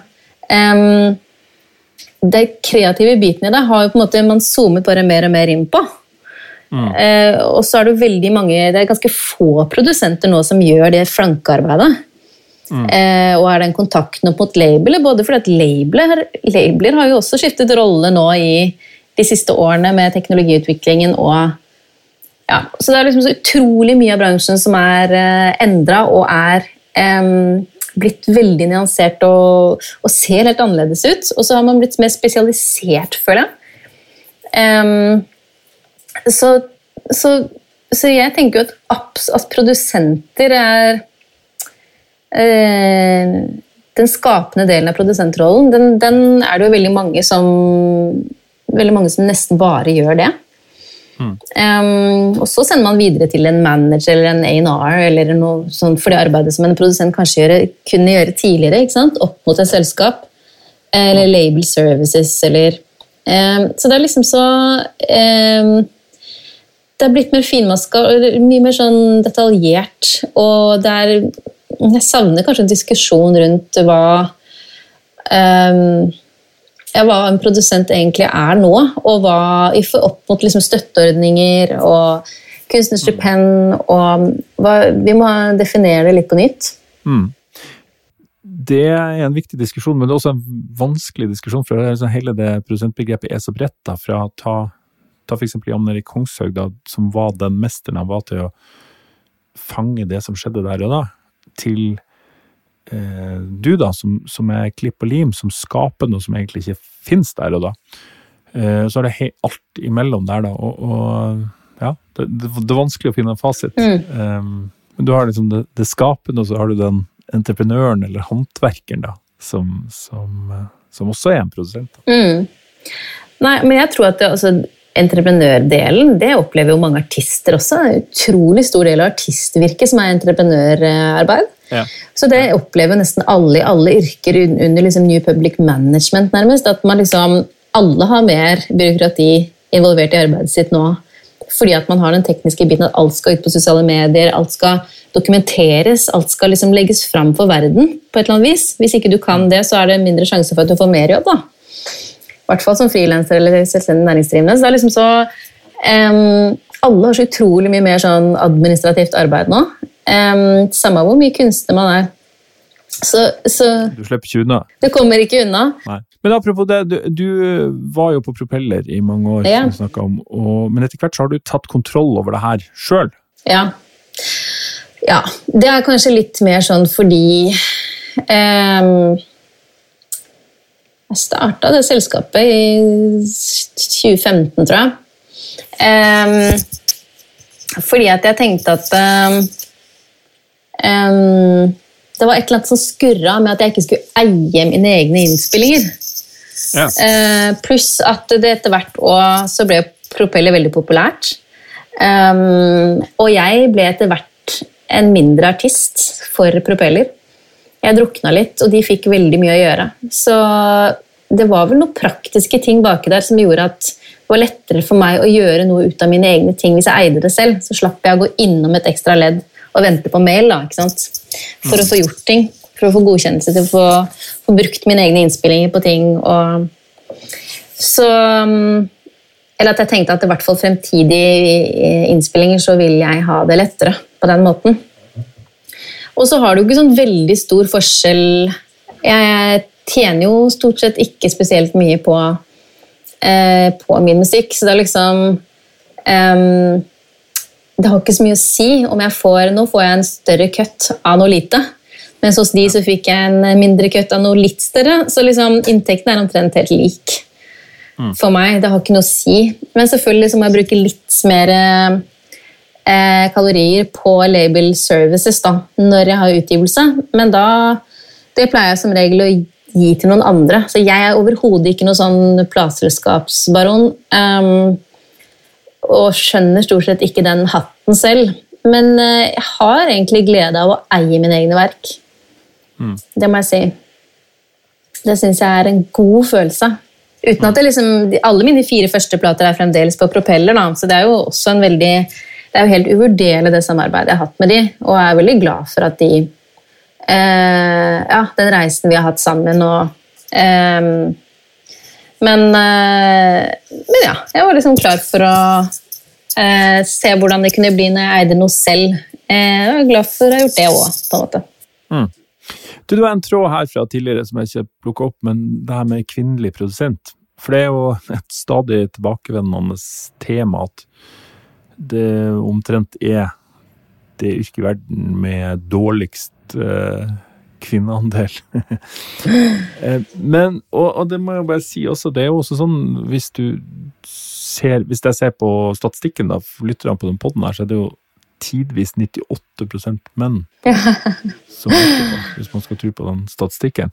Nå tror jo jeg at ting endrer seg. altså Det må endre seg, det, det endrer seg automatisk bare av det enkle faktum av at produksjonsmidlene er mye mer tilgjengelige. Altså hvis, du, hvis du har et uttrykksbehov, så er du veldig fort produsent, fordi at det er lettere enn før å bli det.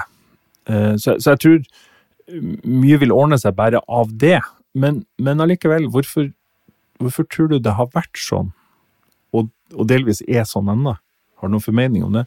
Nei, jeg tror ikke jeg tror ikke det er noen annen forklaring enn en liksom Er det tilbake til den industrielle revolusjonen vi må, liksom, for å finne ut Da tror jeg kjønnene ble mye mer segregerte, eh, men jeg har lest, og at eh, man på en måte da fikk en topp i kjønnsubalanse. Da um, Så liksom i samfunnet så var mer sånn Eh, pre-industrielle revolusjon så liksom var man mer sammen ute på kornåkeren og fikk gården til å gå rundt. Og, eh, og, man, og så hadde kanskje også kvinner mer sånn respekt i sine ansvarsområder. Og så hadde menn respekt på sine ansvarsområder, og så var det sånn det var.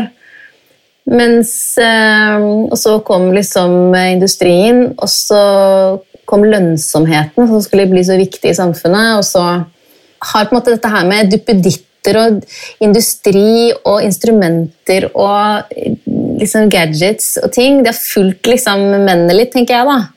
At menn er de som har kunnet fordype seg i det. Og så har kvinnene født disse barna, som det er bare de som kan gjøre, og så har de fordypet seg i det. Eh, og så har man på en måte ikke hatt noe annet valg, fordi man kan ikke skifte på hvem som skal føde ungene. Så liksom akkurat den, den utstyringen av kjønnene, den, den, gjør det veldig vanskelig å å forandre på det etter at man får unger. Og da, når man først har fått unger, så må man følge opp det. Og da blir det til at damene følger opp det, og så blir det forskjell. Men fram til den reproduktive liksom, alderen så tenker jeg at kjønnene er egentlig ganske like. Og, at, ehm, og også nå, at, at, ehm, da er det egentlig ikke noe god forklaring på det, annet enn, at, annet enn forbildene. Ja, det, Forbildene kan være en forklaring, det, det, kan jeg være med på. Men, men jeg har alltid syntes det har vært så rart. for Hvis du går inn på hvilket som helst musikklinje, et hvilket som helst symfoniorkester, altså hva som helst, så er det Og for så vidt utøvende òg, eh, så, så har jo det Der har det også vært det har liksom, føler jeg blitt veldig mye bedre de siste 20 årene. Men det var også gutter som sto i bandet stort sett. Det var liksom unntaksvis mm. da jeg var ung, at det var ei dame sånn, i en sånn altså Jennifer Batten spilte gitar med Michael Jackson, og Prince hadde alltid jente i alle posisjoner. Sånn, men, men, sånn Det var som oftest menn som gjorde det. Men, men det er ingen grunn. og I produksjonen jeg syns også det er så rart, for det er jo et estetisk fag mye mer enn et teknisk fag, i hvert fall sånn som det har vært de siste 20 årene. Mm. Eh, så, men det er bare rart. Når jeg bare kjente det med barn, da, så, så um, jeg tenkte egentlig jeg skulle spørre deg litt om det, og hvordan For min del, det var nok sikkert mange ting i livet som, som gjorde det, men for min del så ble det sånn at da jeg begynte å få barn, og har tre sønner nå da, i, i alderen tre til ti år, så, så, var det starten på slutten for min kreative karriere. Altså I dag så snakker jeg jo bare om musikk og sånn, men det, det som jeg syns ble vanskelig etter hvert, det var det her med det ansvaret jeg føler for å forsørge en familie. fordi at før, når det bare var meg, da, så var det liksom ingen sin sak at jeg brukte Hvis jeg reiste ei uke til London eller tre uker til New York og sånn og jobbe, så var det jo ingen som visste, som låtskriver, da Blir det noe ut av det her? Høyst sannsynligvis ikke. Mm. Eh, men kanskje. Men jeg, jeg har veldig sånn problem Altså Det å produsere plate hvis det var en betalt gig Nå får du liksom så og så mye penger for å gjøre det. Det var ingen problem. Det kunne mm. jeg liksom forsvare. Men, men den der eh, Og hun som jeg bor sammen med, har jeg aldri hatt noe imot eller sagt noe imot det, men det var bare sånn som jeg kjente på, som egentlig tror jeg ble litt sånn enden på visa for, for det livet der, da. Og som er mm. en del av meg veldig trist over, og en, en annen del er liksom eh, hvor, Har du hatt noen så, så, sånne opplevelser i forhold til det med å drive med det du gjør, eller? Ja, altså Jeg kjenner det jo veldig igjen, i hvert fall tankene, og jeg eh, jeg vet ikke altså Den derre brannen som jeg hadde, hvor jeg liksom har lært meg å på en måte klare meg uten så mye jordslig gods og det immaterielle for meg, er veldig sånn eh, Jeg liker å ha ting rundt meg, altså, og, men, men jeg, jeg, har veldig For meg så trenger jeg ikke noe høy standard.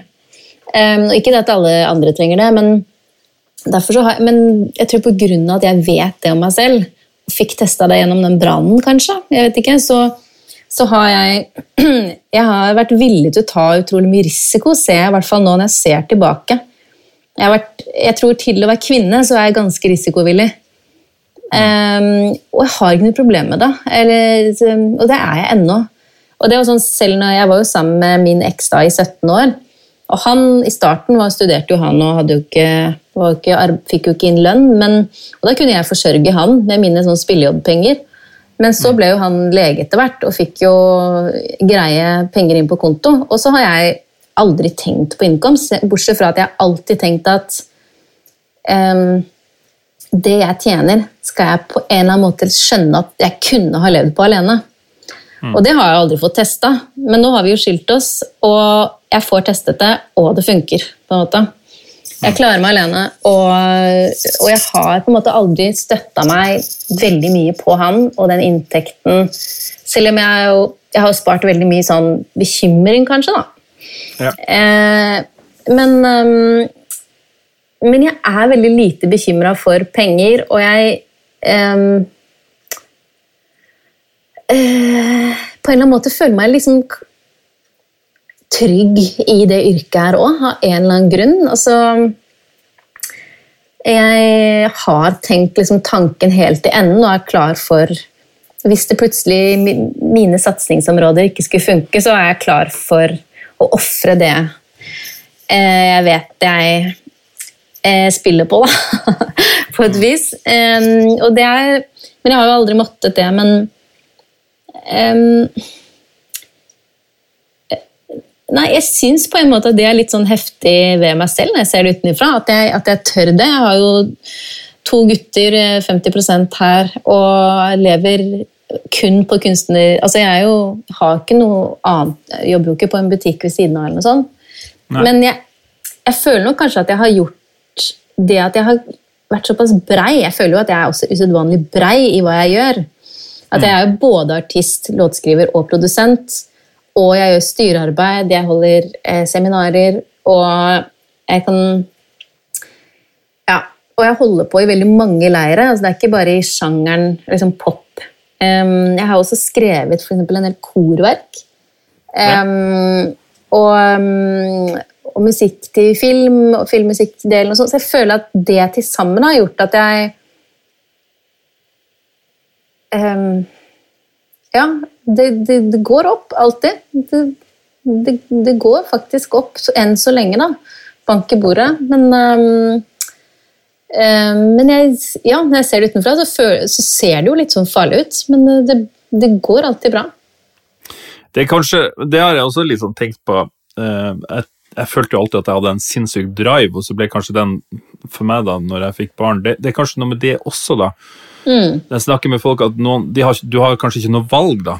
Du må mm. gjøre det her. Mm. Og, og, og, det driver deg. Uh, uh, og kanskje Men Jeg har jo tenkt mange ganger, så spesielt sånn når koronaen kom i fjor, så tenkte jeg sånn Nei, nå tar jeg meg et kurs eller nå studerer jeg et eller annet på BI, noe sånn kjempetørt, og så, sånn at jeg i hvert fall har en sjanse til å søke en jobb på et sted som er mer trygt. Mm. Men så fikk jeg stipender og priser, og det liksom jeg følte at eh, Og så gjorde det faktisk sitt til at jeg tenkte at nei, vet du hva, det her føles så feil å forlate det yrket her nå. Jeg følte at jeg fikk så bekreftelse på at um, det var det her jeg skulle gjøre. Så jeg tok det som et lite sånn tegn fra oven. ja, vi får håpe det. Ja. Du, um du har både blitt produsert og produserer. Mm. Jeg tenkte på den der um, respekten for rollen. Når til får man den? Når til uh, føler du at de andre du jobber med, respekterer ja, det? Um, det har jo vært en diskusjon i, på bransja prat på Facebook og i forskjellige forumer, uh, på internett i hvert fall. Um, og jeg tror at det er veldig mange som Og jeg også var borti diskusjonen fordi jeg nå satt uh, i juryen til, eh, på Spellemannsprisen for produsenter. Ja. Og der hadde vi den diskusjonen av liksom hva um, Når regnes man for å være en produsent? Og de, som produserer, de artistene som produserer sine egne album, de regnes ikke som produsenter. Ja, men har det vært sånn alltid? For det, det var jo ett år um, og um, Susanne Sundfør ble årets produsent. Ja, ja og da, da hadde produsert seg sjøl. Mm. Det, ja. det er noen år siden. Ja. Det er jo noen år siden, og i hvert fall nå så forsto jeg det slik. Kanskje jeg har misforstått, mm. men jeg forsto det i hvert fall slik at for denne runden så tenkte vi i hvert fall at de som har produsert seg selv som artister, hvor man ikke vet at de har gjort noe annet, så blir, blir man på et eller annet vis inhabil. da. Um, så da regnes man ikke for å liksom Man har ikke gått gjennom ilden for å bevise produsentkvalitetene sine på et nok for et tilfredsstillende mm, bredt eh, vis. Og på en måte så skjønner jeg det òg. Man må liksom produsere for man må produsere noen andre eh, for å bevise at man er At man håndterer eh, de grunnleggende produsenttingene. For det er liksom det er så utrolig vanskelig å bedømme, fordi nå så er det jo veldig mange som produserer én låt sammen, f.eks. i popverdenen. Jeg, liksom, jeg, kjenner jo Jeg har sett eh, søknader i andre, eh, andre, sammenhenger hvor det har vært sju produsenter på én låt, f.eks. Sånn. Ja. og da lurer man jo på hvor Hvem har gjort hva? Hvem har gjort hva? Og så ja. søker alle til Spellemannprisen på den låta. da, ikke sant? Ja. Eh, og hvem burde da egentlig fått prisen? Hvordan skal man vurdere det? Ja, Det er jo helt umulig, eh, tenker jeg. Ja, Da begynner det å gå inflasjon i produsentbegrepet. da. Mm. Så det er sånn som Men jeg, for meg så Akkurat det her med at jeg produserte albumet til hun Sigrid Aase, det var ikke noe, det var mest fordi jeg syntes låtene var så fine og Nei, jeg vet ikke. Jeg syntes det var et fint prosjekt. Um, og hadde egentlig ikke da så veldig behov for å produsere andre. Men nå som det er gjort, så kjenner jeg plutselig på For har jeg, nå har jeg eh, opparbeida meg en del Eller nå har jeg gjort meg den erfaringen. Jeg har gjort det før. da, Jeg har produsert et, et annet album som heter Racing Heart.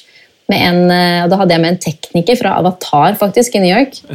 eh, Hvorfor ler du av det? Er det Nei, jeg, jeg, du, nei ja, men du, du, sa i New York, men jeg trodde du sa en gjøk. Så det var, oh, ja, en gjøk? jeg hørte det feil. skjønner Ikke sant? Jeg bare Hæ, er det... det Nei, Så gikk det et sekund før jeg skjønte hva du egentlig sa. Uh, så sorry for. Oh, ja, sånn, ja. ja, fordi Avatar går for å være et ganske bra er, Ja, er du gæren? Ja, for det, for det bare, Er det le folk av det? Er det? Jeg trodde Nei, Overhodet over ikke. Det var bare en Eh, en latency i hodet mitt. Som Ikke det kom ja. Nei, så da, Vi hadde en tekniker som fløy fra For det var en kompis da, av han. Fordi vi begge, jeg og han, vi møttes i New York. Jeg bodde jo der en liten periode. Og mhm. så, um, så jeg produserte det albumet hans her hjemme i Oslo, men han fløy da fra New York hit. Så det albumet er blitt kjempefint. Det var liksom første gang jeg fikk produsere et album helt alene. Ganske fint. Men um, um, ja, hans debutalbum tror jeg det var, 'Racing Heart'. Eh, og så er det nå Sigrid Aase da, med hun 'Sove', um, som er da det andre albumet. Men nå kjenner jeg at jeg egentlig, hvis jeg kan etablere det å etablere den patchwork, holdt jeg på å si, måten å produsere på, hvor det, liksom det kunstneriske kommer først, det kjenner jeg at det er, det er utrolig gøy hvis jeg kan jobbe med andre på, med min stil. da.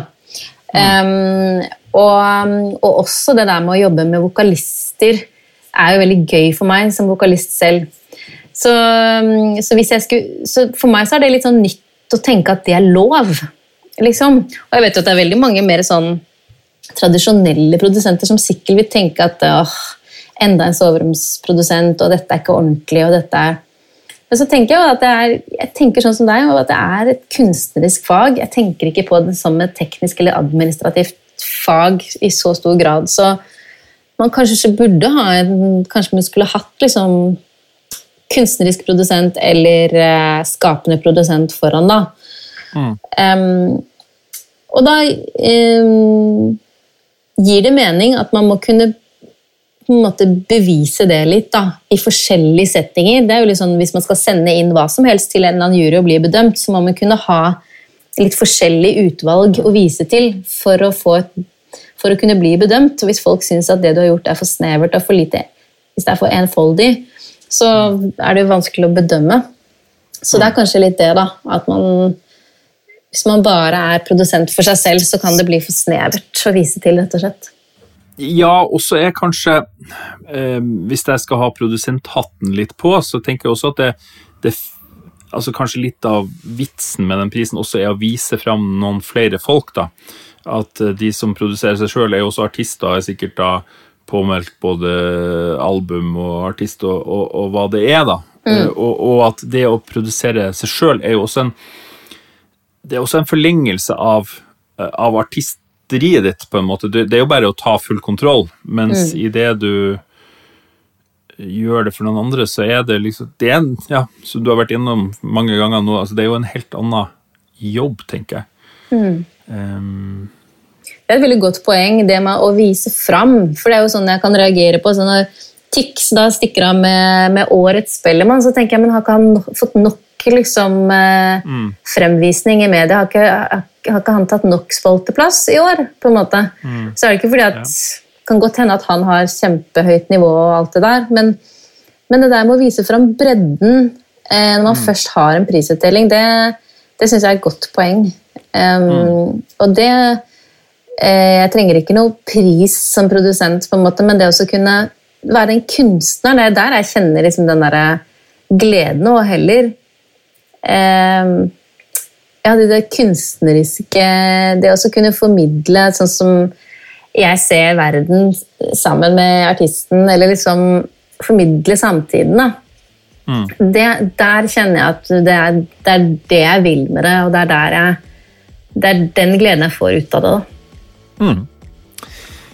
Yes. Yes. Hanne Hukkelberg, det her var veldig hyggelig. Jeg håper vi snart ses der ute i det virkelige liv. Ja, det håper jeg. Og tusen, tusen takk for at du tok deg tid. Tusen takk for meg, og ja, takk for at jeg fikk være, være med. Som, veldig um, hyggelig, og lykke til videre med alle, alle ting. Jo, takk for det. Og i like måte. Takk for det. Hanne Hukkelberg der. Inspirerende dame. Eh, jeg kan kanskje legge til at Hanne hadde glemt mikken sin i studio, så denne eh, episoden ble gjort med en vanlig Apple ørepropp. Jeg håper det gikk bra. Denne episoden lages i samarbeid med Benum og Isotop. Tusen takk til Benum som gjør dette mulig, og husk at du får 10% ekstra rabatt på alle produkter på isotop.com, også de som er på salg, med kodeordet bak spakene 10. Kulturrådet har støtta denne sesongen av Bak spakene, så tusen takk til dem. Bakspakene har ei Facebook-side og en Instagram-konto. Gå inn der og følg oss, så holder du deg oppdatert på hva som skjer i podden. Mitt navn er Ole Henrik Antonsen, og vi høres snart igjen.